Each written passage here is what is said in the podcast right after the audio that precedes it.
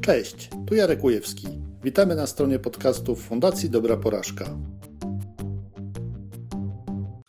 Moim gościem dzisiaj jest e, Wojciech Glac. Wojtek jest adiunktem w pracowni neurobiologii Katedry Fizjologii Zwierząt i Człowieka Uniwersytetu Gdańskiego. Największą pasją Wojtka, tak jak mi napisał, jest popularyzacja wiedzy o mózgu. E, jest laureatem Nagrody Popularyzator Nauki 2019 i organizatorem Dni Mózgu w Trójmieście. E, Dni Mózgu w Trójmieście miały być w marcu, zostały przełożone na e, bliżej nieokreślony termin. Szkoda, dziesiąta edycja to miała być, dobrze zapamiętałem? Tak, tak, tak. Dzień dobry. E, tak, i y, dzisiaj fajnie, fajnie Wojtek, że jesteś pierwszą osobą, która bierze udział w tym webinarze, który, który stanie się, już widzę, że pewnym cyklem dlatego że mam kolejne osoby zainteresowane e, udziałem w tym, ale to o tym na koniec powiem dwa słowa. E, dzisiaj mieliśmy porozmawiać o tym, e, co zrobić już dzisiaj, żeby utrata pracy nie była końcem świata, co i jak chodzi nam po głowie w ciężkich chwilach, jak stres może nam pomóc w zmotywowaniu się do działania. Nie mamy jakiegoś takiego planu, że, że robimy jakiś wykład, tylko chcieliśmy właśnie bardziej porozmawiać o tym, tak bardziej swobodnie też korzystając z tych pytań, które, które nam podsyłacie.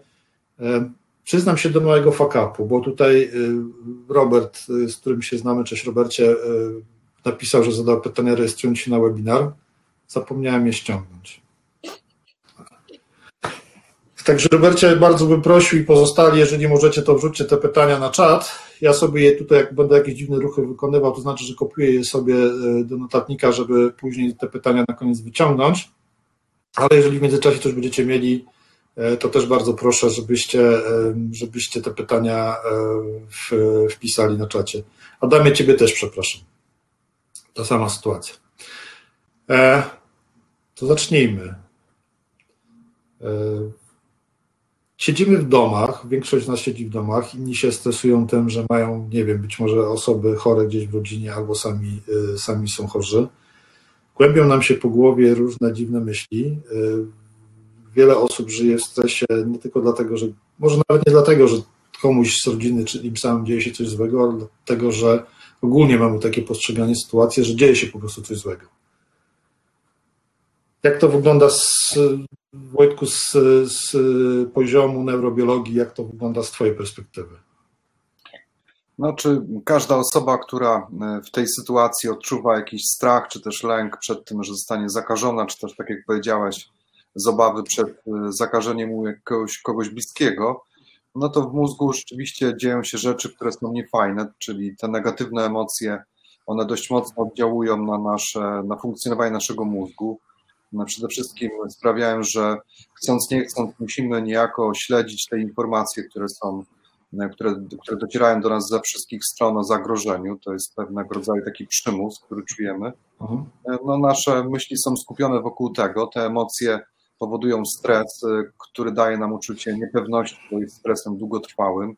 Więc to jest stan, który nie jest dobry, nie powinien trwać długo powinniśmy zrobić coś, żeby jakoś w jakiś sposób temu zaradzić, czyli uruchomić pewne procedury w naszym mózgu, żeby próbować redukować te negatywne emocje i stres, który towarzyszy tym negatywnym mhm. emocjom. E, powinniśmy coś robić. Co moglibyśmy robić dzisiaj? Znaczy, w tej sytuacji, w której jesteśmy, na pewno powinniśmy użyć zdrowego rozsądku i przyjrzeć się bardzo uważnie statystykom, e, różnego rodzaju liczbom, które dostarczają nam media E, po to, żeby zwrócić uwagę nie tylko na te rzeczy, które są, e, które świadczą o zagrożeniu, czyli na przykład o liczbie ofiar, o liczbie zgonów, ale przede wszystkim patrzeć na te liczby, które świadczą o tym, że nie jest tak źle, jakby można było sądzić, czyli patrzeć na to, że jak dzisiaj czytałem, śmiertelność tego wirusa w zasadzie jest poniżej 1%, czyli patrzeć na to, że 99% ludzi zdrowieje, którzy zostają, za, którzy zostają zakażeni. No więc zwracać uwagę na wiadomości, które są dobre, a nie tylko te złe. To jest coś, co musimy użyć niejako swojej siły woli, czyli użyć tego zdrowego rozsądku po to, żeby właśnie selektywnie wybierać te informacje, które chcemy czytać, na których chcemy się skupiać, bo wtedy w ten sposób niejako w naszym umyśle, w naszych myślach krążyć będą informacje, które są dobre, a tym samym one poprawią nam nastrój, zredukują poziom stresu i uruchomią w naszym mózgu właśnie mechanizmy, które e, służą zachowaniu równowagi, e, co jest niezwykle ważne w tej sytuacji, ponieważ jakby staczając się tylko i wyłącznie jakby po tej równi tych negatywnych emocji, to w zasadzie może zafundować sobie poważne kłopoty bez konieczności kontaktu z tym wirusem. To mogą być mhm. gorsze problemy niż te, które będą wynikały z zakażenia tym wirusem, jeżeli pozwolimy sobie na to, żeby wpaść w taką spiralę śledzenia negatywnych informacji, stresowania się, denerwowania się.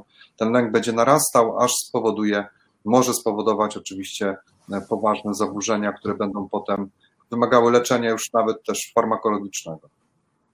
E, tutaj Robert zadał pytanie, w jaki sposób można uruchomić w sobie taką, e, jakby przełączyć się z tego, że e, cały czas obserwujemy, co się dzieje niedobrego, a zacząć obserwować te fakty, to, co może nie tyle nas pocieszy, co nas po prostu trochę uspokoi.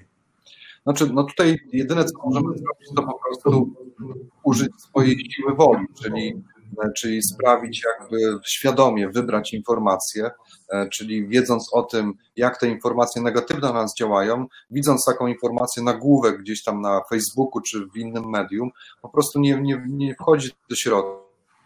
Więcej, przebijać, szukać tego, co jest dobre no i na tych się skupiać, czytać rzeczy, które są niezwiązane w ogóle z tym tematem, czyli pozwolić sobie na to, żeby nasze myśli były skupione wokół innych rzeczy i włączyć sobie film, poczytać książkę.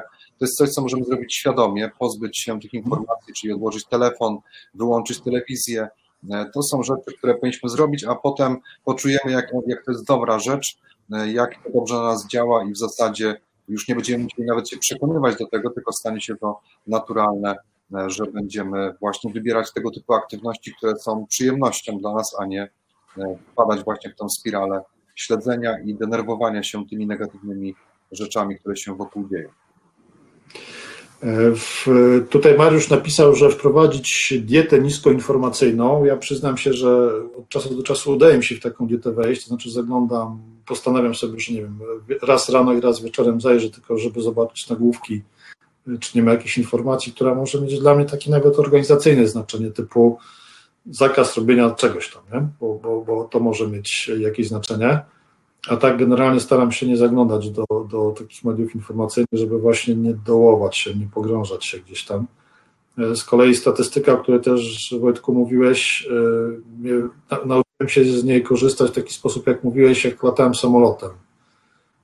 Boję się latać samolotem, tak? Boję się startów lądowań, bo statystycznie tam najczęściej się wypadki wydarzają, ale mimo wszystko statystycznie tak samolot jest najbezpieczniejszym środkiem transportu, jakby nie spojrzeć. E, więc e, no, na mnie to działa, tak? Na mnie to działa. E, jak rozmawialiśmy o temacie, to pojawiło się takie hasło stres i motywacja, dobra para na trudne czasy, czyli jak przejść od tego stresu do tego, żeby wykorzystać go do zmotywowania się, do tego, żeby coś dzisiaj zrobić, żeby nie czekać, nie obserwować tylko tych nagłówków, może nie tylko siedzieć, nie oglądać filmów, ale też mm, zacząć robić coś innego. Generalnie cały cykl, pomysł na cały cykl wziął się stąd, że Sporo osób już straciło pracę, sporo za chwilę straci pracę. E, siedzą ludzie w domu, zastanawiają się, co ze sobą zrobić. Mogą oczywiście oglądać na krągło wiadomości albo filmy, albo robić coś innego, ale mogą też zacząć zastanawiać się nad tym, co robić ze sobą w przyszłości, kiedy już e, trochę zelży ta sytuacja, która jest w tej chwili. Mam miejmy nadzieję, że całkowicie. No i będą musieli zacząć zastanawiać się nad nową pracą, nad jakimś zajęciem, nad sposobem zarobkowania. E, co można byłoby zrobić dzisiaj, żeby właśnie być gotowym do tego, co z nami, co, co będziemy robić, czym się będziemy zajmować po tej sytuacji, którą mamy obecnie? Znaczy, na pewno warto sobie zakreślić parę scenariuszy tego, co się może wydarzyć, czyli, e, czyli uruchomić niejako naszą korę mózgową do tego, żeby była w stanie niejako na podstawie oczywiście jakichś danych, przykładek e, stworzyć pewne scenariusze tego, co się może wydarzyć również z nami czyli kiedy wyobrazimy sobie, co się może wydarzyć, wówczas cokolwiek się nie wydarzy, nie będzie dla nas niespodzianką, a e, te niespodzianki e, działają zawsze silniej na nasz mózg niż rzeczy, mhm. których się spodziewamy, prawda? Zarówno to dotyczy miłych rzeczy, jak i dotyczy tych złych rzeczy. Te niespodzianki miłe wywierają większy wpływ, ale również te niespodziewane kary czy straty też wywierają bardziej negatywny skutek niż te rzeczy, których się spodziewamy. Więc warto ten czas, który mamy w tej chwili, trochę go więcej, ponieważ nie robimy różnych innych rzeczy, które robiliśmy do tej pory, na to właśnie, żeby usiąść z kartką, najlepiej z kartką, bo to e, jakby poprawia niejako percepcję tego, nad czym pracujemy, kiedy widzimy, mamy ten feedback w postaci tego zapisu, który obserwujemy wzrokiem, więc warto sobie zakreślić parę rzeczy możliwych, które się mogą wydarzyć w naszym życiu, również tym mm. zawodowym, po to, żeby właśnie móc niejako przewidzieć, a tym samym przygotować się na to, co się wydarzy. Wtedy zawsze to mniej boli, jeżeli wydarzy coś negatywnego. To jest, to jest ta rzecz, którą możemy na pewno zrobić bez, bez żadnego problemu. Ja się tylko zastanawiam, bo scenariusze mogą być różne. W skrajnym przypadku mogą to być scenariusze, e, już nie chcę opowiadać tu o filmach o zombie i tego typu rzeczach, ale takie dosyć nieprzyjemne, gdzie będzie to długo trwało i faktycznie może dojść do jakichś takich skrajnych sytuacji. Czy warto aż w takie, aż, aż w takie scenariusze warto wchodzić? Znaczy, Czy gdzieś zachować jakiś taki przedział tolerancji?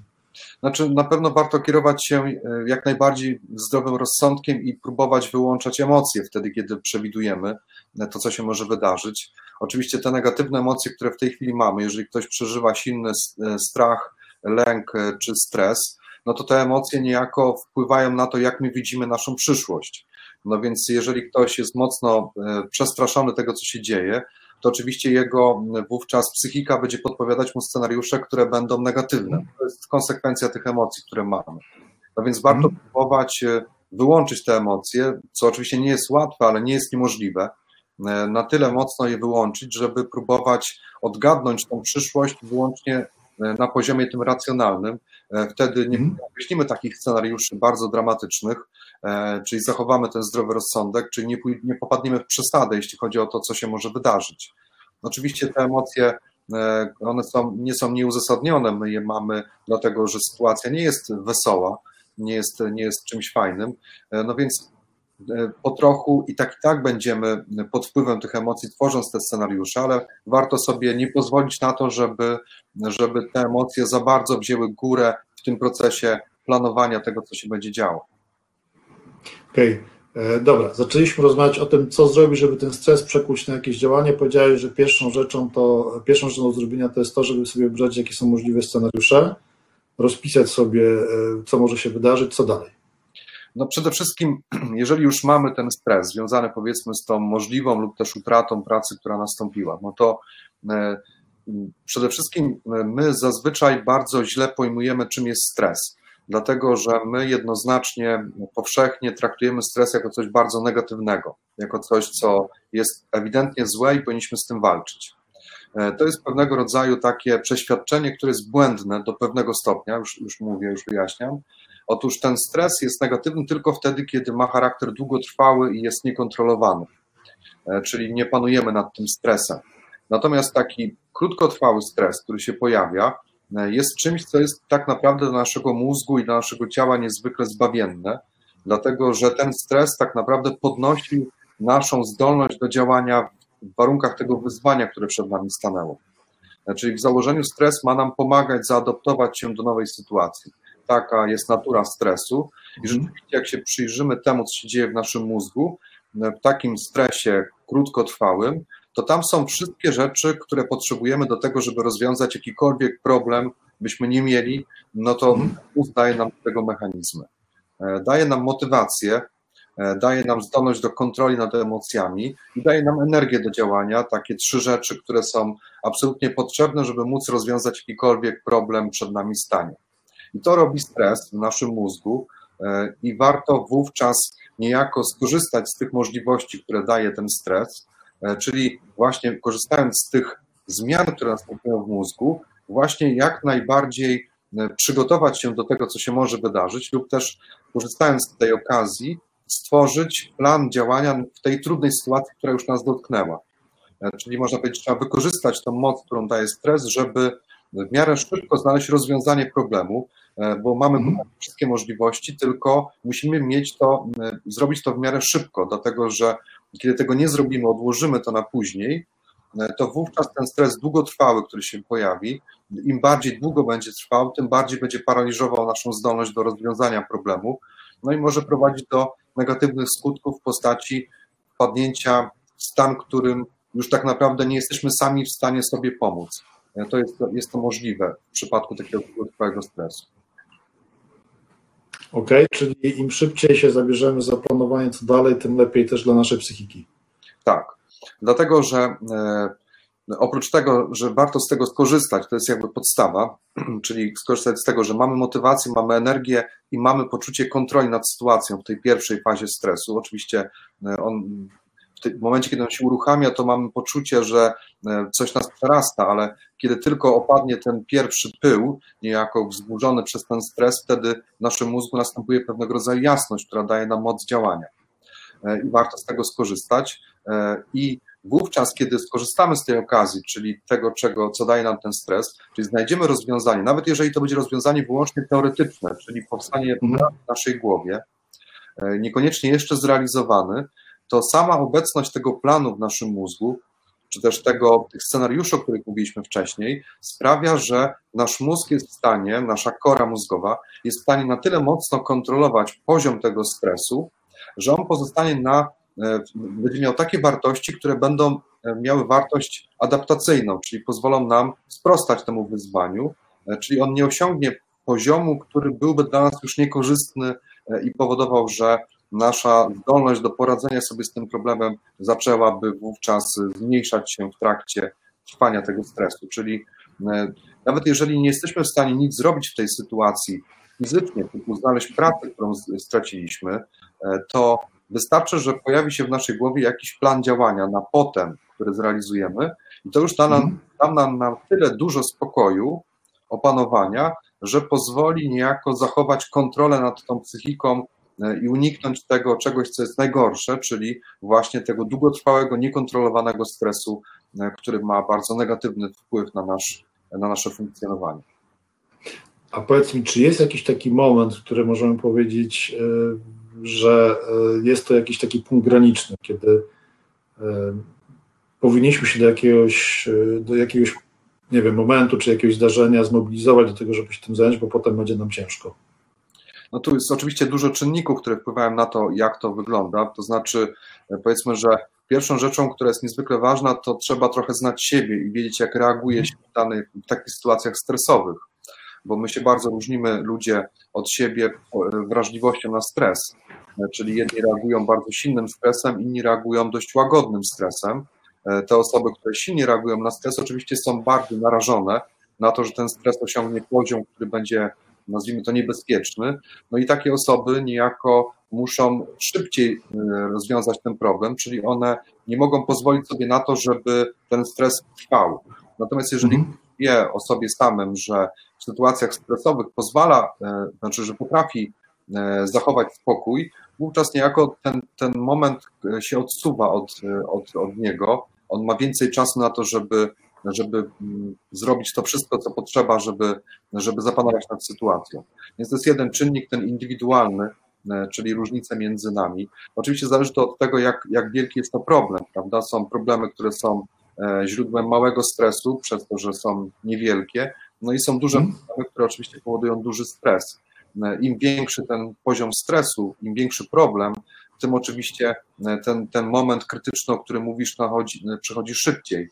On może przyjść tak naprawdę czasem w niektórych sytuacjach od razu, e, czyli ten poziom stresu może być od razu na tyle silny, że, że zaczyna dołować zamiast mobilizować, ale mm, jeżeli mamy wsparcie w postaci, powiedzmy, nie wiem, członka rodziny, przyjaciół, przyjaciół, którzy są z nami, no to wówczas obecność takich ludzi wsparcie, chociażby takie poczucie, że się ma to wsparcie, jest czymś, co oczywiście też mocno wpływa na to, jaka jest nasza indywidualna odporność na tą sytuację stresową w tym danym momencie. Więc to jest dużo czynników, ciężko jednoznacznie powiedzieć, w którym jest ten moment krytyczny, ale po sobie samym można to poczuć, że w którymś momencie mm, przychodzi taki, e, on przychodzi e, zazwyczaj nie w sposób nagły, jeżeli dobrze czytamy siebie, to czujemy, że nadchodzą takie momenty coraz częściej, w których czujemy rezygnację.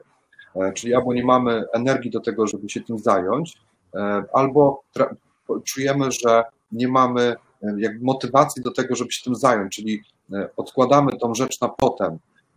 To jest ten moment, w którym można poczuć, że wychodzi właśnie ten poziom stresu, który sprawi, że być może za chwilę już w ogóle nie będziemy w stanie do tego usiąść, do mhm. rozwiązania tego problemu, więc tutaj trzeba śledzić niejako trochę siebie, ale najlepiej w ogóle tego nie robić, tylko od razu zabrać się za rozwiązanie tego problemu, chociażby właśnie, tak jak powiedziałem wcześniej, na tym papierze, który jest cierpliwy, zniesie wszystko, można go zachować, do niego wracać, do niego spoglądać w sytuacjach trudnych, kiedy nam się pogorszy, patrząc na ten nasz plan, wiemy, że jest ten plan, więc czujemy się bezpiecznie. Okej, okay. no od czasu takiej sytuacji, że dużo osób pracuje w domu, czy dużo osób nie pracuje też, e, mogło minąć już nawet za trzy tygodnie, biorąc pod uwagę e, kalendarz. Jeżeli ktoś e, nie zmobilizował się do tego czasu, jeżeli ktoś cały czas ma obawy i stres z nimi związane, czy masz dla niego, dla takich ludzi jakąś podpowiedź, co mogą zrobić, żeby spróbować wybić się z takiego stanu? Żeby przejść do tego działania, mimo że już dłuższy czas mają taką sytuację mocno stresową. Znaczy, e, jeżeli te osoby do tego momentu e, jakby nic nie zrobiły, to są dwie możliwości. Albo mają poczucie, że sytuacja sama się rozwiąże, albo nie mają mocy tego, żeby działać, prawda? Mhm. Więc powiedzmy, są ludzie, którzy mają poczucie, że e, jakby nie do końca oni odpowiadają za swoje działanie, że są, że jakby niesie ich nurt pewnych zmian, rzeczy, które się dzieją wokół nich, oni są jakby niesieni w tym nurcie tej rzeki i takie osoby w pewnym sensie czują się w tej sytuacji zupełnie dobrze, dlatego że e, to umiejscowienie tej sprawczości poza sobą daje na tyle duże poczucie spokoju, takiego wewnętrznego, że te osoby mogą całkiem dobrze sobie radzić, po prostu oczekując na to, co się wydarzy. Mhm. Osobom jakby nie trzeba pomagać, ponieważ one są w tym trochę jak ryba w wodzie. Oczywiście może być to dla nich zgubne, bo tak naprawdę my sami odpowiadamy za swoje działania, prawda? No, ale tym osobom jest trudno pomóc, ponieważ one mają w pewnym sensie takie przeświadczenie o tym, że, że nie oni do końca odpowiadają za to, co się z nimi dzieje. Natomiast osoby, które e, mają poczucie tej sprawczości w sobie, czyli czują, że to one w 100% odpowiadają za swoje własne działania, za swoje sukcesy i porażki, no to takie osoby e, w momencie, kiedy już minęły trzy tygodnie, one są wciąż zestresowane w obawie o to, co się wydarzy, e, no to tutaj warto jest porozmawiać z kimś, kto być może natchnie do działania. Dlatego, że mhm. przez trzy tygodnie nic nie zrobił, no to oczywiście albo będzie opierał się na swojej sile woli, na racjonalności i da sobie w końcu powiedzieć, że musisz się zabrać za to, ponieważ będzie gorzej, lub też potrzebuje pewnego impulsu, który może płynąć ze strony kogoś bliskiego, przyjaciela, być może pracodawcy, e, kolegi z pracy, e, czyli czegoś, co e, uruchomi w mózgu motywację. Ta motywacja często jest zaczerpywana od kogoś, kto nas właśnie jest w stanie zainspirować, da nam impuls do tego działania. Mam pytanie od Ewy. Myślę, że to jest dobry moment na to pytanie. Znaczy, pytanie jest jeszcze kilka, będę starał się je po kolei wplatać. Ewa pyta, jak zachować spokój i nie wykonywać chaotycznych ruchów, mimo że nie mogę obecnie rozwiązać problemu. Na przykład teraz, kiedy nie wiemy, jak będzie się rozwijać sytuacja z wirusem. Znaczy tutaj nie, nie, nie ma jednoznacznej rady, jak, jak zachować spokój i nie wykonywać chaotycznych ruchów. E, tutaj jedyne, co nam pozostaje, to ta ostateczna instancja w naszym mózgu, czyli nasza kora e, przedczołowa, czyli ten fragment za czołem. E, to jest to miejsce, w którym my jesteśmy w stanie racjonalnie oceniać sytuację i też panować nad naszymi emocjami. Zawsze chaotyczne działania, gwałtowne, wynikają z, z impulsywności, która pojawia się w naszym mózgu zawsze wtedy, kiedy towarzyszą nam gwałtowne emocje. Ta impulsywność powoduje, że skraca się czas naszej reakcji czyli skraca się czas podejmowania decyzji, co skutkuje tym, że pod wpływem tych silnych emocji bardzo gwałtownie reagujemy. Niekoniecznie mhm. te, te działania są, e, są e, skuteczne, e, przynoszą nam korzyść, ponieważ właśnie nie było tego etapu planowania, który jest niezwykle ważny, żeby nasze działania były skuteczne. No więc jedyne, co można zrobić, to jakby znając mechanizm, skąd się biorą tego typu zachowania, czyli właśnie te silne emocje plus rodząca się w mózgu impulsywność powodują gwałtowność reakcji, to znając ten mechanizm, trochę łatwiej nad nim panować, ponieważ my właśnie wtedy możemy umiejscowić ten proces w naszym mózgu e, i wiedząc, że tym czymś, co nad tym jest w stanie e, zapanować, jest nasza racjonalność, więc jakby mm. znając ten mechanizm, dużo łatwiej jest uruchomić tą racjonalność, właśnie po to, żeby zatrzymać tą, e, tą, e, tą nagonkę, która w naszym mózgu się pojawia po to, żeby działać szybko, ponieważ ten stres i ta impulsywność wymuszają na nas szybkie reakcje. Więc to jedyne, co możemy zrobić, to wiedząc, jak to się dzieje, próbować, właśnie nie próbować, tylko po prostu zapanować nad tymi emocjami, czyli powiedzieć sobie, że nie działaj, ponieważ jesteś pod wpływem emocji, odłóż emocje na bok, na bok, zastanów się i wtedy zacznie działać. I kartka papieru jest świetnym mechanizmem, ponieważ kartka papieru uruchamia w naszym mózgu tak mocno korę mózgową, ponieważ wymaga to też pisania, więc ta kora musi się skupić na tym procesie pisania, co jest niezwykle ważne, dlatego że im bardziej ta kora mózgowa jest aktywna, tym lepiej kontroluje sytuację, tym silniej ta racjonalność jest e, jakby zaaktywowana w naszym mózgu. Nasza uwaga jest skupiona na tych czynnościach, które wykonujemy w sposób precyzyjny, z użyciem dużych, jakby e, wtedy, kiedy są aktywne duże, duże części tej kory mózgowej, co sprawia, że te mhm. emocje niejako one automatycznie gdzieś uchodzą na bok. Im bardziej coś skupiamy na działaniu wynikającym z pracy naszej kory mózgowej, tym zawsze mniejsze znaczenie mają nasze emocje e, w tej naszej świadomości, one odgrywają mniejszą rolę, czyli my możemy bardziej skupić uwagę na tych procesach racjonalnych, poznawczych, a nie emocjonalnych. Super. E, tutaj pytanie od Roberta. Jak możemy świadomie wydłużyć czas odpowiedzi, aby zamiast reakcji emocjonalnej i impulsywnej odpowiedzieć świadomie? E, Jedyne, co możemy zrobić, to znaczy tutaj znowuż nasza wola jest niejako tym mechanizmem, który tym steruje. E, czyli e, to od naszej woli zależy to, jak bardzo uruchomimy, uruchomimy te procesy poznawcze. E, emocje mają to do siebie, że one niejako próbują, taki jest algorytm działania naszego mózgu, że te emocje silne próbują wymusić szybkie działanie, tak możemy to nazwać, mm. walką pomiędzy emocjami a zdrowym rozsądkiem. Natomiast ten zdrowy rozsądek trzeba włączyć i to jest proces wolicjonalny, czyli zależy od nas, czyli niejako wymaga od nas pewnej decyzji, że włączam ten proces racjonalny, e, czyli po prostu trzeba skierować uwagę, naszą świadomość w stronę tych procesów racjonalnych, czyli wymusić na sobie e, zastanowienie się, do czego mnie doprowadzi to zachowanie, które mi przychodzi jako pierwsze do głowy. I wówczas w tym momencie, kiedy ja mam jakiś pomysł, który wynika z moich emocji, typu, nie wiem, powiedzmy, podbiegnę i wejdę do tego lasu, choćby nie wiem co, bo potrzebuję pójść do tego lasu, no to wówczas jakby siłą woli trzeba zmusić się do tego, żeby powiedzieć sobie, co ja z tego będę miał, że biegnę do tego lasu pomimo tego zakazu.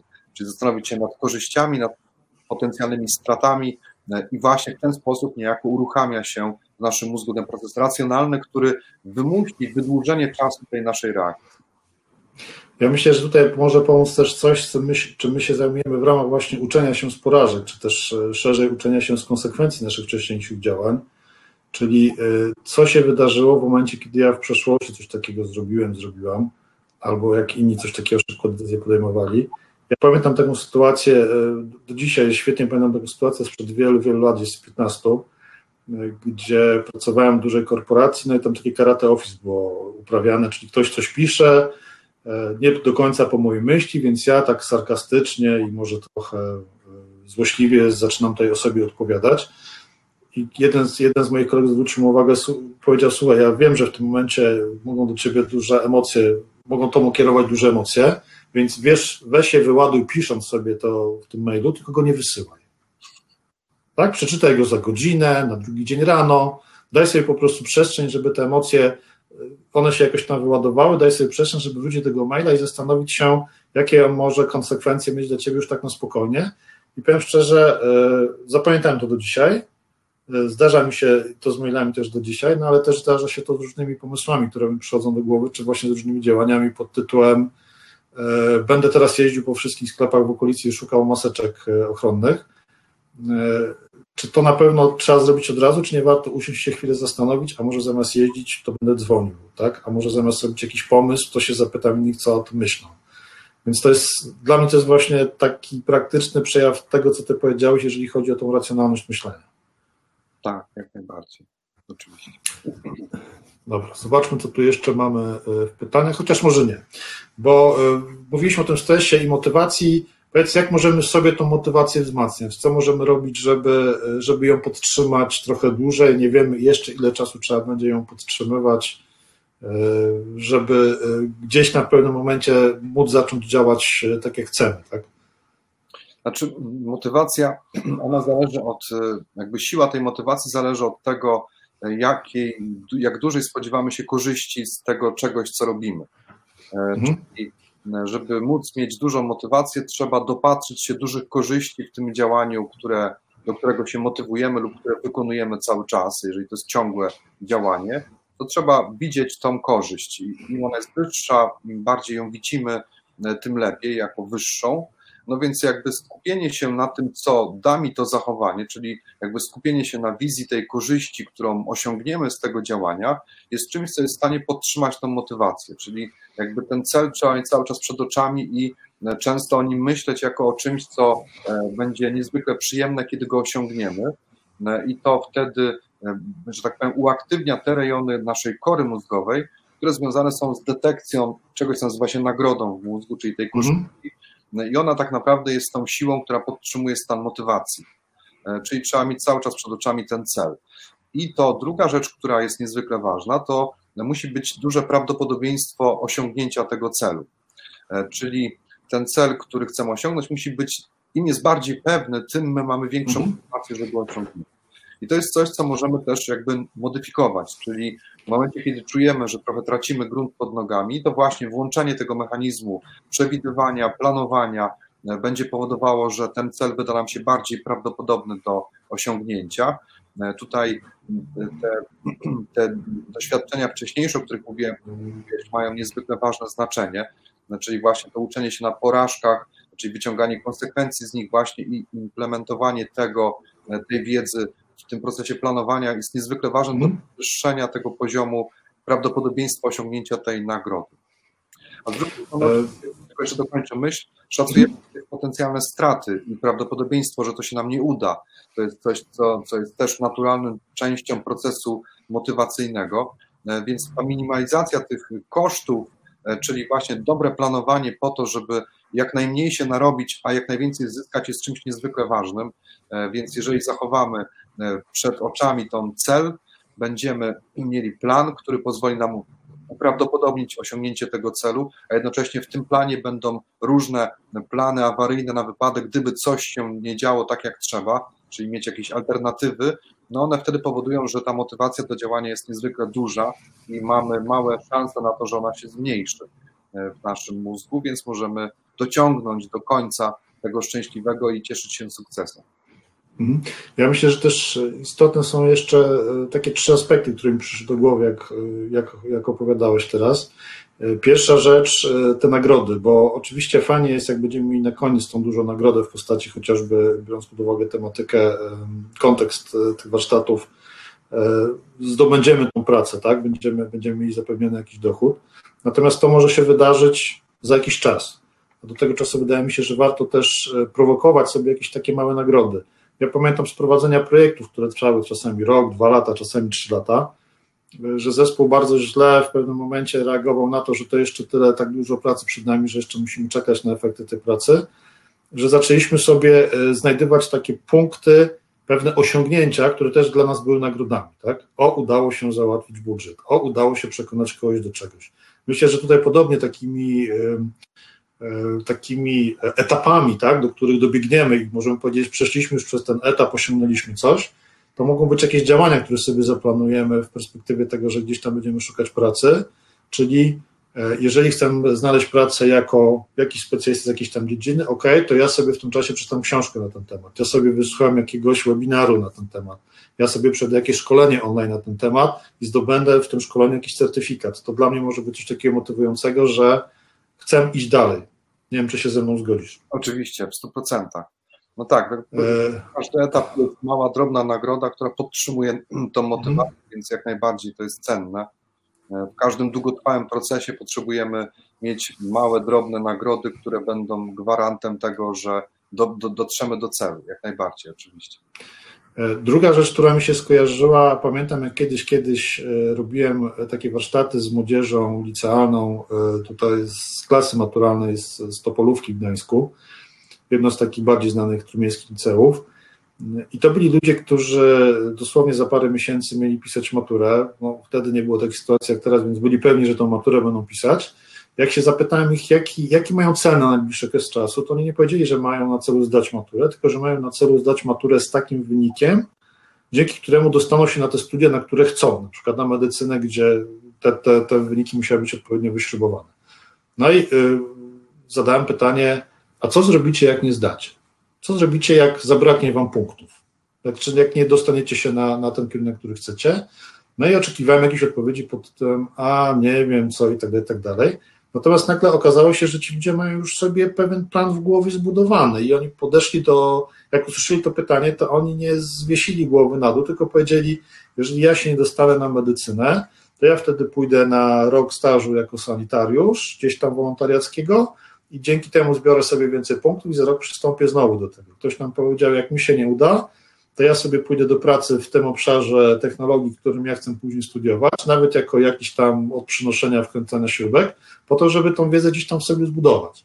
Więc y, to też taki efekt trochę budowania sobie po prostu pewnego planu y, działania, y, który im pomagał w tym, że z chęcią kontynuowali swoją naukę i starali się zdobywać jak najwięcej tych dobrych ocen, jak najwięcej punktów bo wiedzieli, że nawet jeżeli im się coś nie uda, tak, to, to co jest ich głównym celem, to oni ten cel osiągną, ale może w trochę inny sposób. Mieli to po prostu gdzieś w głowie zakodowane, co dla mnie z perspektywy tego, co robimy fundację jest w ogóle czymś fantastycznym, że ludzie mają świadomość, że może im się nie, może im się nie udać, ale mają też na to plan alternatywny. Tak. Myślę, że też warto, e, warto, warto e, budując te plany właśnie zrobię, to, to, to, trzecia rzecz, zrobić sobie też te ścieżki alternatywne, żeby zobaczyć, e, co takiego może, może, może coś innego można robić, tak? Może można tą wiedzę w jakiś inny sposób wykorzystać. To Nie, w, pewnym, w pewnym sensie jest to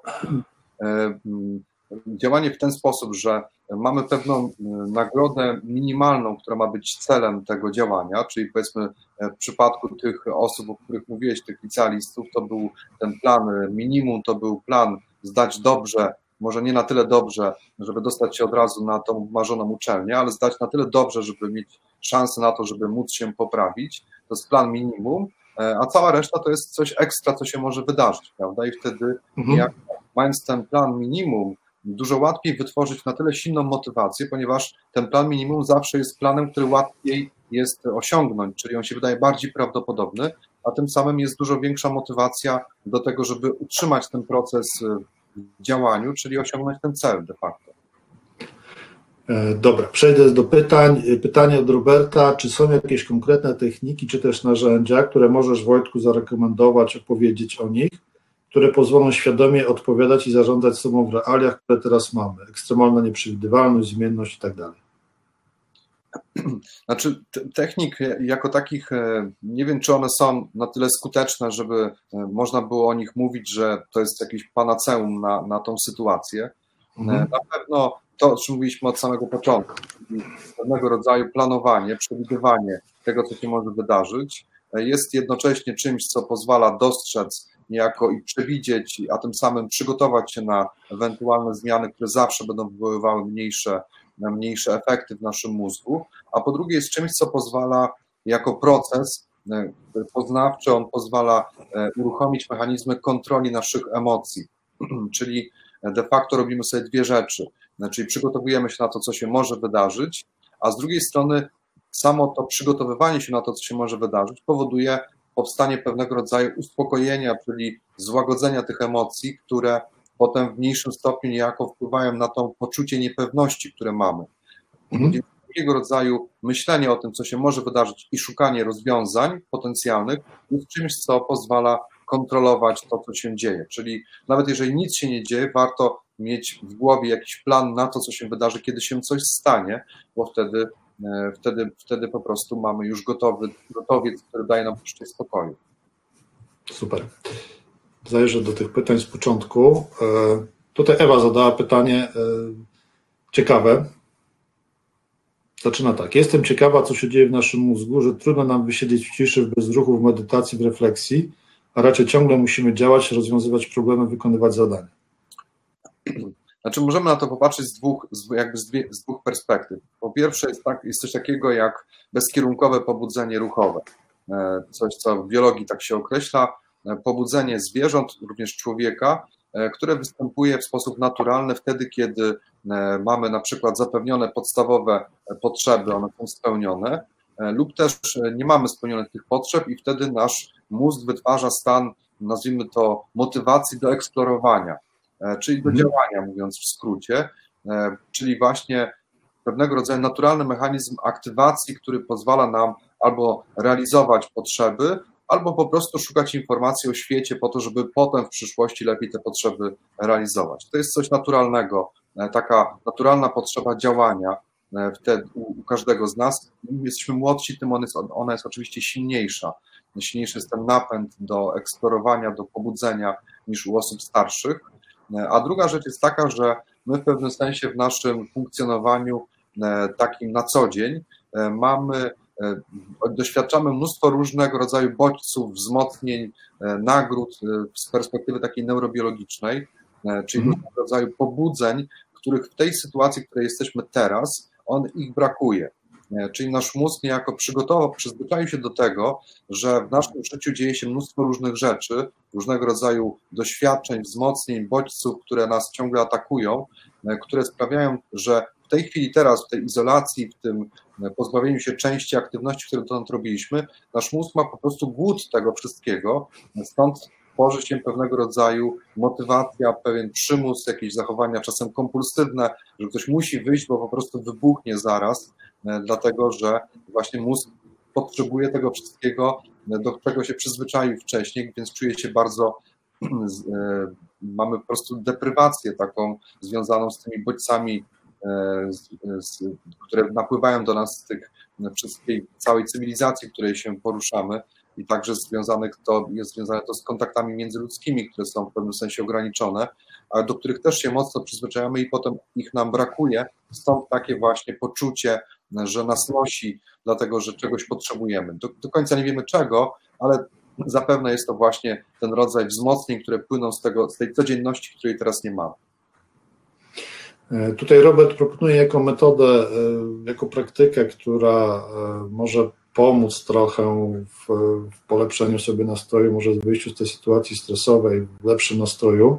Proponuję taką technikę, codziennie piszę sobie trzy rzeczy, za które jestem wdzięczny oraz trzy rzeczy, z których jestem zadowolony. I dla Roberta ta praktyka zmienia percepcję i przekonania. Jak to działa?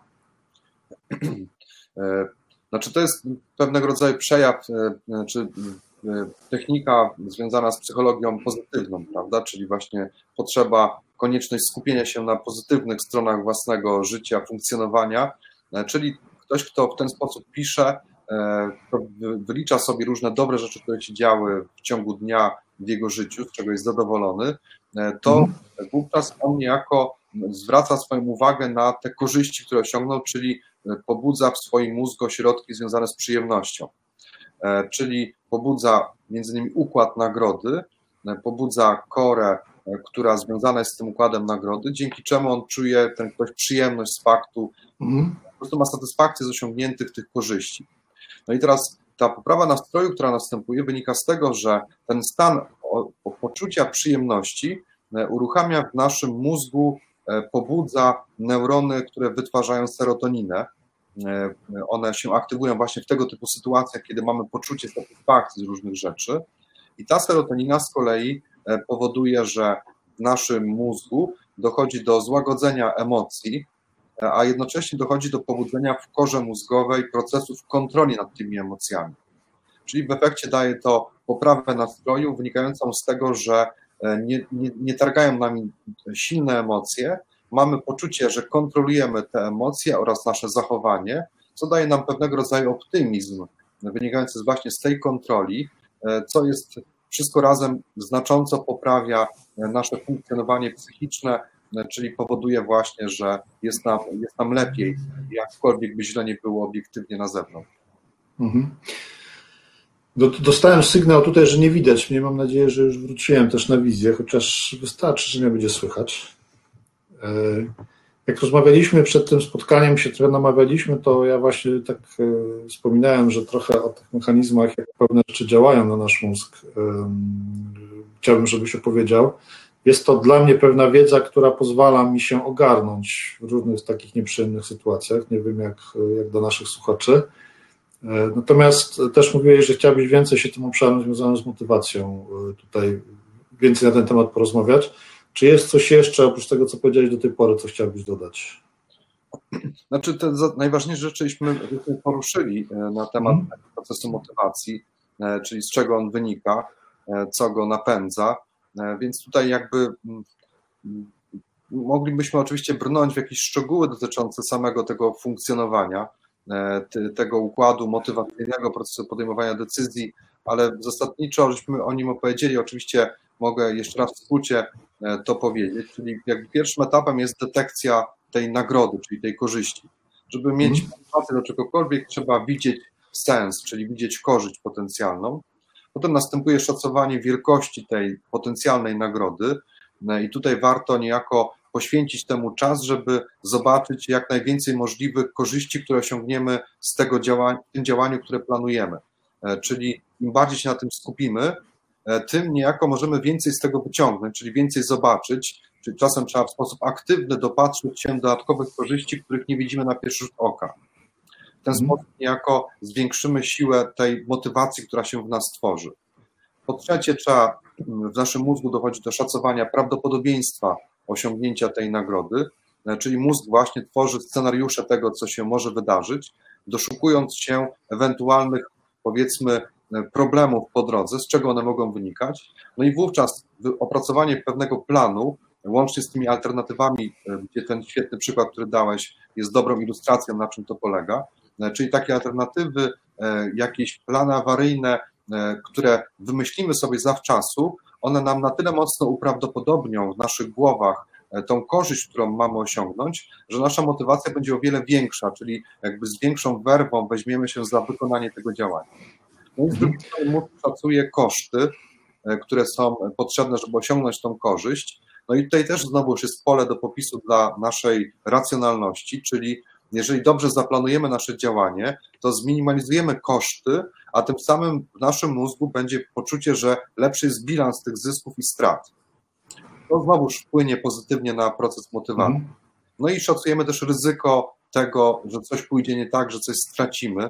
No i to znowuż wracamy do tego planu. Jeżeli dobrze go opracujemy, to będziemy mieli E, będziemy mieli taki plan, który pozwoli wytworzyć co do niego ogromną motywację, ponieważ ten plan będzie e, tym bardziej wówczas mm, dla nas z naszej perspektywy osiągalny, im jakby bardziej poświęcimy czas temu procesowi planowania, e, skupimy się na tych elementach, które są związane z tym procesem tworzenia naszej motywacji. Ja myślę, że też trzeba byłoby zwrócić uwagę, że gdyby ten plan był realizowalny, zresztą mówiłeś o tym, żeby on był realizowany, mówiłeś o tym w kontekście celu, żeby on był celem realnym, takim realizowalnym. E, tutaj jest taka metoda SMART, jak ktoś chce, to może sobie doczytać, jak ktoś nie wie o co chodzi. E, natomiast e, wydaje mi się, że w dzisiejszych czasach też trzeba zwrócić uwagę na to, żeby E, ten plan był realizowalny w momencie, kiedy mamy na to czas, tak? Jeżeli nasz, nasz plan zakłada, że pójdziemy, tak jak ja miałem takie plany na, na, na wiosnę, że będę się uczył, pójdę na kurs sterownik, e, sternika motorowodnego, no teraz nie pójdę na to, no bo e, po pierwsze takie kursy się nie odbywają, a po drugie nie powinienem wychodzić z domu. Natomiast mógłbym sobie na przykład w tym momencie zrobić jakieś, bo tam trzeba też część teoretyczną zrobić, więc mógłbym się w tym momencie tą częścią teoretyczną zająć tego, tak? Poznać po prostu pewne rzeczy i też y, y, dać sobie taką nagrodę w postaci na przykład zdanego jakiegoś tam online egzaminu, nawet jeżeli to będzie egzamin próbny. Zmierzam do tego, żeby skorzystać teraz z tej okazji, że mamy trochę czasu, że siedzimy w domu, że internet działa, e, że naprawdę coraz więcej ciekawych rzeczy się pojawia, poza tym, że zawsze było tego dużo, ale teraz dużo nowych rzeczy się objawia. Korzystajmy z tego, żeby, e, żeby przygotować się do tego, co może nastąpić później e, nawet niekoniecznie mówię o, o, o stracie pracy, ale o, o, takich rzeczach, które będą wiązały się z tym, że nie wiem, będzie mniejszy, mniejsza podaż pewnych rzeczy, nie będzie można robić wszystkiego to, co byśmy chcieli, to, to co chcieliśmy robić. Pewnie pewne rzeczy będą przez dłuższy czas niedostępne. E, tutaj Karla, e, dziękuję za Twoje pytanie, bo przypomniałaś mi o jednej ważnej rzeczy, której miałem Wojtka zapytać, bo w tej chwili mówiliśmy o tym, co my możemy dla siebie zrobić. Natomiast Karla zapytała, e, jak wspierać teraz Twój zespół, który nigdy nie pracował zdalnie. Ja bym to pytanie trochę bardziej ogólnił. Jak my możemy pomóc innym ludziom, żeby z tej sytuacji stresowej przejść właśnie do, do sytuacji, kiedy będą zmotywowani, kiedy będzie im się chciało coś robić? Znaczy, rozumiem, że chodzi o motywację, prawda? Mhm. Czyli to, co, to, co jakby każdy z nas ma sam również problem, to jest to, żeby móc zobaczyć tą potencjalną korzyść i zobaczyć, że ona jest możliwa do osiągnięcia. To jest coś trudnego, dlatego mm. to jakby zaczyna się dość, znaczy zaczyna się to, co, ten proces niekoniecznie w pełni on jest uświadomiony od samego początku, czyli jakby on za, opieramy się na pewnym takim, nazwijmy to, wrażeniu, jakimś odczuciu co do tego, czy możemy coś zyskać, czy też możemy coś stracić.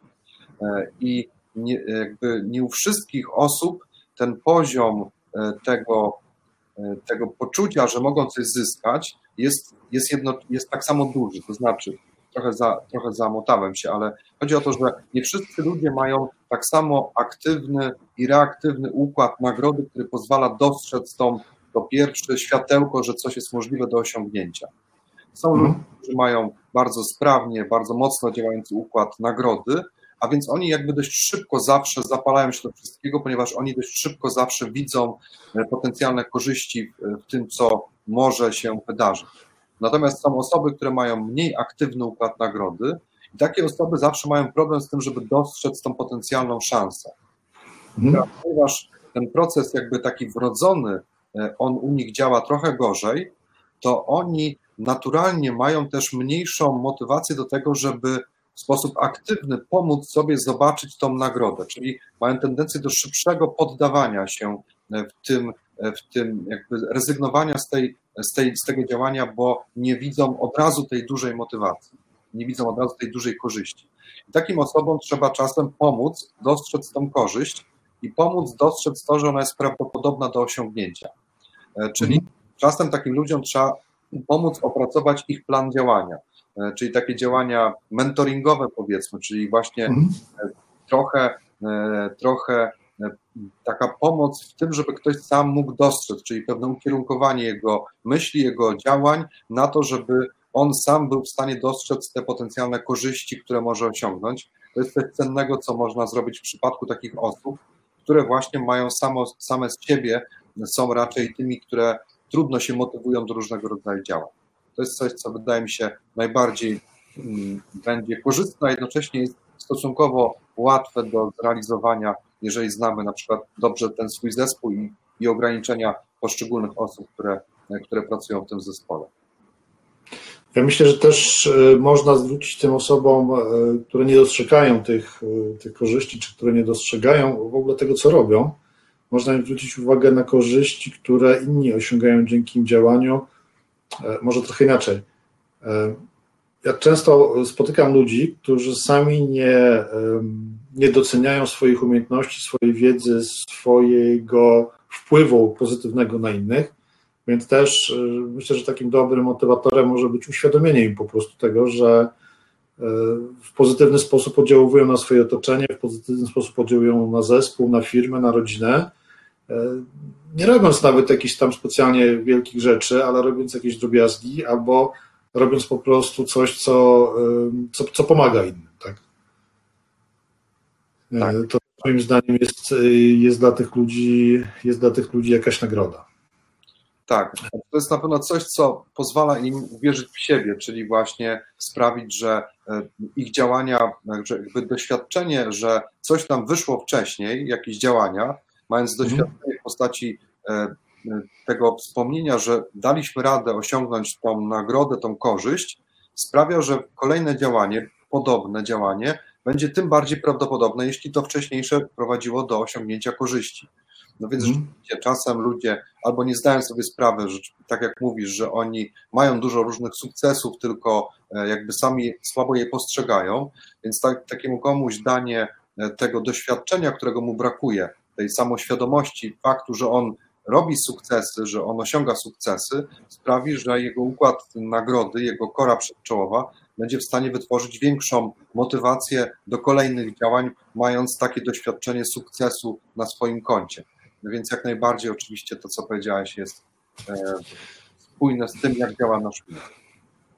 E, ja myślę, że też odnosząc się do pytania Karli, która zadała pytanie w kontekście wspierania zespołu, to trzeba wziąć pod uwagę to, że zespół jest mimo wszystko zbiorem pewnych indywidualności. Oni w takich normalnych warunkach, które były przed, przed paroma tygodniami, mogły funkcjonować w jakiś tam sposób, zgrywając się, składając się jak te trybiki w maszynie. Dzisiaj być może i poziom stresu, i poziom, inna sytuacja, w której się fizycznie znajdują, czyli chociażby ta praca z domu, inny sposób kontaktu z ludźmi, niemożliwość takich bliskich, codziennych relacji, może spowodować, że trochę, trochę inaczej one zaczynają funkcjonować. I to, co ja, do czego ja bym chciał zachęcić, to żeby nie pracować tylko na poziomie całego zespołu, jako zbioru ludzi, ale rozmawiać i pracować z każdą z tych osób indywidualnie i zobaczyć, jakie oni w dzisiejszych czasach mają, e, mają problemy. To też w normalnych warunkach jest, jest bardzo pożyteczne, ale myślę, że dzisiaj warto na to bardziej e, zwracać uwagę i też e, będąc osobą, która, nie wiem, zarządza takim zespołem, więcej czasu po prostu na to poświęcić i mieć świadomość, że tak trzeba zrobić. Pewnie też takie są dość cenne działania, które teraz można wpływać w mediach społecznościowych, takie drobne rzeczy, jak właśnie chociażby powiedzmy zrobienie takiego kolażu zdjęć tego zespołu pracującego mm. w swoich własnych domach, gdzie oni mają taki wspólny projekt, który jest nazwijmy to rozrywkowy, niekoniecznie merytorycznie związany z tą pracą, ale on też pozwala poczuć tą wspólnotę e, w tym zespole, co jest niezwykle ważne, ponieważ to wpływa właśnie i łagodząco na poziom stresu, a jednocześnie zwiększa motywację do działania, jak się ma poczucie tej więzi społecznej, z tej, chociażby w tym małym zespole pracowym. To jest coś, co znacząco podwyższa jakość e, i zdolność do pracy takich osób, kiedy mają poczucie, są częścią grupy. A dzisiaj to bardzo łatwo utracić, kiedy człowiek rozmawia prawda, z, z, ze swoim komputerem, e, nie ma tych wszystkich ludzi, z którymi się kontaktował, więc to jest niezwykle ważne w tym czasie tej izolacji, żeby jednak wykonywać jakieś działania, które będą takie, nazwijmy to, prosocjalne, patrząc z takiej czysto biologicznej mhm. perspektywy. Natomiast też myślę, że warto zwrócić uwagę na to, żeby to były pewne działania, które będą tym ludziom odpowiadały, bo nie każdemu y, to samo w, tym, w różnych momentach czasu po prostu pasuje. Tak?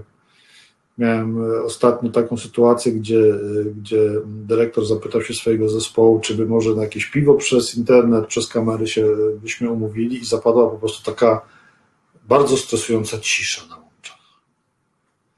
Tak po 15 sekundach ktoś tam się nieśmiało odezwał, że weekend to może niekoniecznie, bo jednak trzeba trochę pożyć z rodziną, bo praca w domu, nie wiem jak innych, którzy to praktykują, ale mi i wielu osobom, które nam zajmuje więcej czasu niż praca e, wyjazdowa. Także też, też warto na to zwrócić uwagę, żeby e, znowu nie wszystkich według jednego szablonu, e, nie do wszystkich według jednego szablonu podchodzić. Pojawiło się kolejne pytanie. Mariusz pyta, jak radzić sobie z niepewnością, kiedy plany sprzed tygodnia mogą okazać się jutro kompletnie nieprzydatne? Mieć plan B czyli tworzyć go na nowo, nowy plan, w nowych warunkach, w nowej rzeczywistości.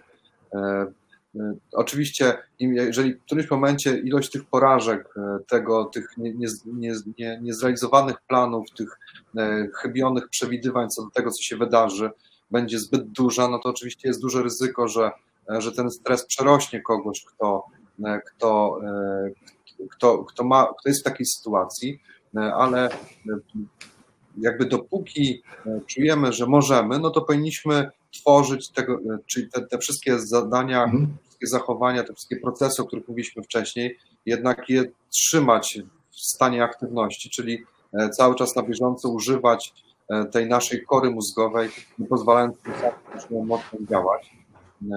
Na pewno, na pewno trzeba, dopóki możemy, czujemy, że możemy, to powinniśmy to robić, dlatego że jak tylko przestaniemy to robić, czyli nawet wtedy, kiedy spotka nas ta porażka, jeżeli nie wyciągniemy tych wniosków, czyli nie zastosujemy tego, tej wiedzy, która wynikła z, tej, z tego złego, powiedzmy, planowania, e, no to wówczas w naszym mózgu, kiedy tylko zrezygnujemy z tych procesów racjonalnych, poznawczych, to te emocje będą odgrywały coraz silniejszą rolę. Ten stres w końcu osiągnie wartość, która będzie kulminacyjna. I on sprawi paradoksalnie, że będzie nam dobrze. E, dlatego niektóre osoby w takim bardzo silnym, długotrwałym stresie zaczynają, e, nie chcę tutaj używać brzydkich słów, ale jest takie powiedzenie, że, że prawda, się urządził e, w, w, pewnym miejscu, prawda, całkiem mu jest wygodnie w tym miejscu. I to nie jest dziupla. to nie jest dziupla. No i teraz taki, taki stan to jest coś, co tak jakby czysto biologicznie możemy nazwać to stanem wyuczonej bezradności, mhm. czyli dość stanem, w którym mózg zaczyna odczuwać przyjemność z faktu osiągania porażek, czy też niezdolności wyjścia z kryzysu, niezdolności rozwiązania problemu. To jest, e, to, jest, to jest zachowanie, które jest wyuczone, jak nazwa wskazuje, e, czyli oparte jest na nagrodzie, tak jak, jak, jak proces mhm. się różnego rodzaju zachowań. E, z tego powodu, że taki silny, długotrwały stres zaczyna aktywować w naszym mózgu wydzielanie opioidów, endorfin, które dają uczucie ulgi, działają przeciwbólowo, redukują negatywne emocje, ale ich minus jest taki, że one aktywują również układ nagrody, który jest podstawą tworzenia nawyków, e, czyli tych wzorców zachowań różnego rodzaju. No i takie wyuczona bezradność jest takim wzorcem zachowania, które polega na niepodejmowaniu działań, które mają nam pozwolić wyjść z kryzysu, wyjść z problemu, tylko e, paradoksalnym, dziwnym odczuwaniu przyjemności z faktu, że jest źle. E, I to jest stan, z którego samemu jest niezwykle trudno wyjść. Trzeba pomocy z zewnątrz bardzo często, żeby ten ktoś był w stanie jakby zacząć działać, e, działać w sposób rozsądny, dlatego że on dziwnie, ale odczuwa przyjemność z faktu, że ponosi te porażki. Więc to jest mm. rodzaj, pewnego rodzaju uzależnienie od takich porażek, od nic nie robienia, od niewychodzenia z tego problemu. I to jest pewne ryzyko, które jest związane z takim długotrwałym stresem. Jeżeli do tego dołożymy taką dużą wrażliwość na stres, która jest cechą indywidualną, no to trzeba wtedy mocno na siebie uważać, na swoich bliskich, właśnie żeby ten długotrwały stres, który nam dzisiaj towarzyszy, nie doprowadził do takiego stanu, w którym stracimy kompletnie możliwość, zdolność, motywację do tego, żeby rozwiązywać problemy. A jedynym rozsądnym rozwiązaniem jest właśnie cały czas na siłę próbować szukać rozwiązań, czyli używać tej kory przedczołowej, a nie pozwolić układowi emocjonalnemu na to, żeby przejął nad nami kontrolę. Mhm. E, ja też e, jakby podtrzymam to, co powiedziałem wcześniej, z czym się też zgodziłeś, żeby szukać tych małych sukcesów, nawet jeżeli one wydają się nieistotne, to chociażby pozwalają nam e, podtrzymać tą chęć, tą motywację do tego, żeby coś dalej robić, trochę dobrze działają na emocje po prostu, tak? Jeżeli, jeżeli to nie będzie tak, że będziemy mieli same, same porażki, tylko jakieś drobne sukcesy, E, nawet związane z tym, że nie wiem, e, wymienię uszczelkę w domu, której nie mogłem wymienić do tej pory przez pół roku, teraz mam czas, wymieniłem, udało mi się. Słuchajcie, e, ponad godzinę czasu już tutaj rozmawiamy, będziemy powoli kończyć. Jeszcze widzę, że tutaj jedno pytanie chyba ktoś pisze, chyba, że Mariusz chce pochwalić Cię za odpowiedź na jego wcześniejsze pytanie. Czy ty zechciał, zechciałbyś Wojtku, o, Tutaj się pojawiło od Mariusza jednak takie zdanie, pozwolę go sobie przeczytać. Czy obniżenie oczekiwań co do przyszłości jest dobrym rozwiązaniem? U mnie się sprawdza. Znaczy u Mariusza. E, znaczy tak. Może się sprawdzić pod warunkiem, że to będzie w pewnym sensie e, szczere ze sobą. To znaczy, e, ciężko jest samego siebie oszukać. Czyli jeżeli mamy potrzebę, widzimy, że możemy osiągnąć dużą korzyść, to takie spuszczanie stonu no jeżeli będzie czymś, co będziemy starali się zrobić w sposób sztuczny, może się okazać dla nas zgubne. E, dlatego, że e, jakby my tak, tak gdzieś tam, nazwijmy to w tyle głowy, będziemy mieli e, ten, tą korzyść, którą chcemy osiągnąć, wyższą niż tą, którą próbujemy sobie wmówić, czyli niejako możemy, to może nie być skuteczne, mówiąc mhm. taka próba oszukiwania siebie, jeżeli pierwotnie widzieliśmy, że chcemy więcej. E, oczywiście e, to można do pewnego stopnia zredukować swoje oczekiwania, e, ale właśnie na zasadzie takiej, że widzimy, że prawdopodobieństwo osiągnięcia tego dużego zysku, dużego, dużej korzyści jest niemożliwe, że jest, jest, nie jest stuprocentowe, więc wtedy w sposób naturalny niejako widzimy, że przez to, że to prawdopodobieństwo nie jest stuprocentowe, to sami jakby naturalnie widzimy, że E, nasze oczekiwania nie są aż takie wygórowane. Natomiast takie mm. powiedzenie sobie, że możesz zdobyć, no powiedzmy, pracę za 3000 zł, ale, e, wie, ale jakby mówienie sobie, że wystarczy mi praca za 2000 zł, e, kiedy my tak naprawdę gdzieś cały czas wiemy, że chcemy tą za 3000 zł, no to oczywiście wówczas trudno jest tak naprawdę nie oczekiwać, że tak tak dostaniemy te 3000 zł. To jest niezwykle trudne, żeby samego siebie oszukać, jeżeli to nie jest naturalne, czyli nie wynika z tego, że szacując prawdopodobieństwo, widzimy, że ono nie jest takie duże, jakbyśmy chcieli, czyli nie możemy oczekiwać tak naprawdę tej dużej nagrody, ponieważ ona jest niepewna. Mhm.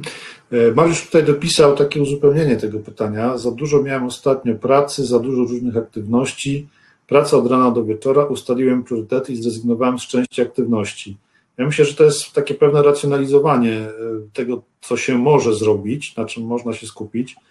Bo ja też wiem po sobie, ja bardzo lubię wchodzić w różnego rodzaju projekty, które mnie interesują, natomiast też nauczyłem się trochę ograniczać swoją aktywność, nawet jeżeli to miało oznaczać odmówienie komuś, kogo bardzo lubię, jakiegoś ciekawego projektu, e, gdyż najzwyczajniej w świecie e, potrzebujemy też po prostu odpoczynku. Czyż nie? Tak, to prawda. Mi jest trudno, ja tego nie umiem. Czy wiesz, jak przychodziły takie ciekawe projekty, jakim rozmawialiśmy o ideatorium, to się nie zastanawiałem, czy dajmy na to czas.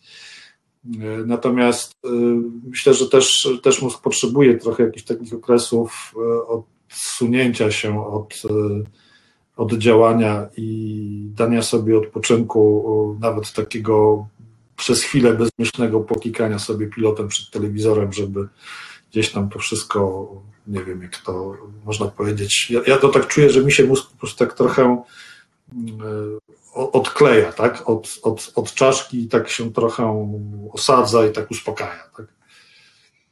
Tak, to są te drobne przyjemności, których właśnie potrzebujemy, żeby zachować ten dobry nastrój i tą zdolność do kontroli tego nastroju.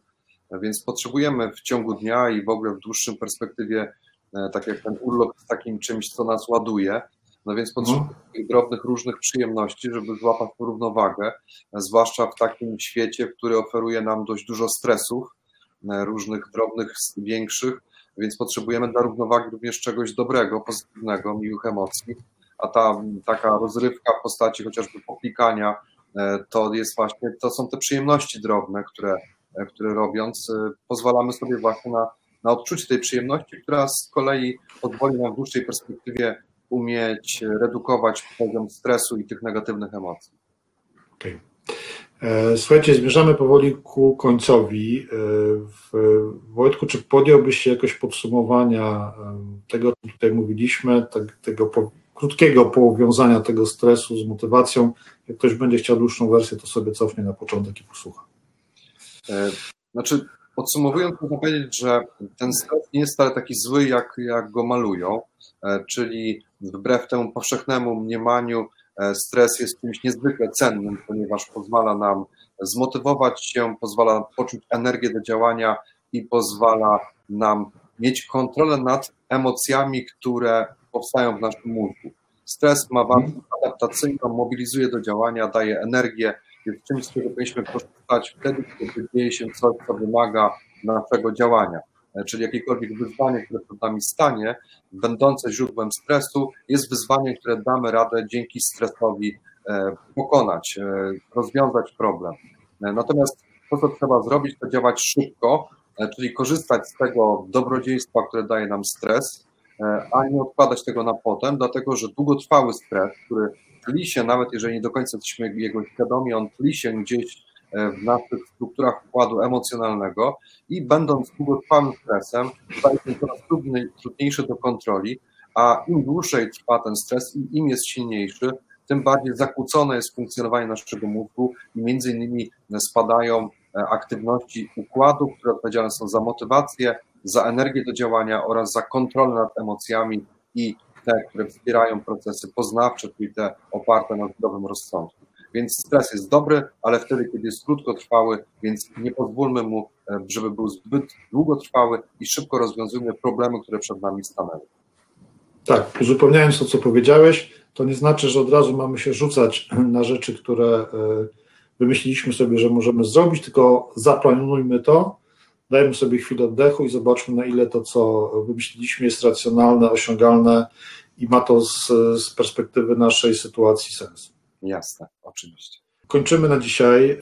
Ja, Wojtku, Tobie bardzo serdecznie dziękuję za to, że zgodziłeś się szybko wziąć e, udział w tym spotkaniu. E, słuchajcie, zapraszam Was e, za tydzień. Będziemy mieli spotkanie z Małgorzatą Zarębą, Małgosia jest coachem kariery, doradcą zawodowym i jest osobą bardzo wielkiej sercu, bardzo wielkim rozumie. Pojawiło się dzisiaj tutaj parę takich tematów, na które myślę, że Małgosia też odpowie. Ja, ja dzisiaj miałem godzinę przed naszym webinarem, miałem z Małgosią takie spotkanie, gdzie porozmawialiśmy sobie chwilę o tym, o czym będziemy tam mówić i parę rzeczy dokładnie jest uzupełnieniem tego, o czym dzisiaj tutaj Wojtek mówił, między innymi związanych z planowaniem ścieżki kariery. Będzie proponowała konkretne rzeczy, które można zrobić, będzie pokazywała wprost, czym, czym można się w tym momencie zająć, mając trochę czasu i jak podchodzi do, do, do tego, żeby w krótszym czy dłuższym czasie zacząć szukać e, pracy. Mamy nawet tytuł tego webinaru, który Wam pewnie coś powie. E, szukanie pracy to jest projekt. Czyli nie nastawiajcie się na to, że dostaniecie jakieś krótkie rady pod tytułem jak machniecie trzy razy różdżką i zrobicie trzy fikołki, to dostaniecie pracę, tylko nastawcie się na to, że Małgosia Wam podpowie, jak zaplanować znalezienie pracy, jak działać, żeby ten plan zrealizować. Także zapraszam serdecznie za tydzień o tej samej porze, tak nam wyszło. Wojtku, jeszcze raz bardzo serdecznie dziękuję. Dzięki Jarek za zaproszenie. Ja dziękuję, że przyjęli zaproszenie. Słuchajcie, wszystkim uczestnikom bardzo serdecznie dziękuję. Do usłyszenia przy kolejnej okazji. Wojtek, jeszcze raz bardzo dziękuję. Dzięki, dzięki. Dziękujemy za wysłuchanie naszego podcastu.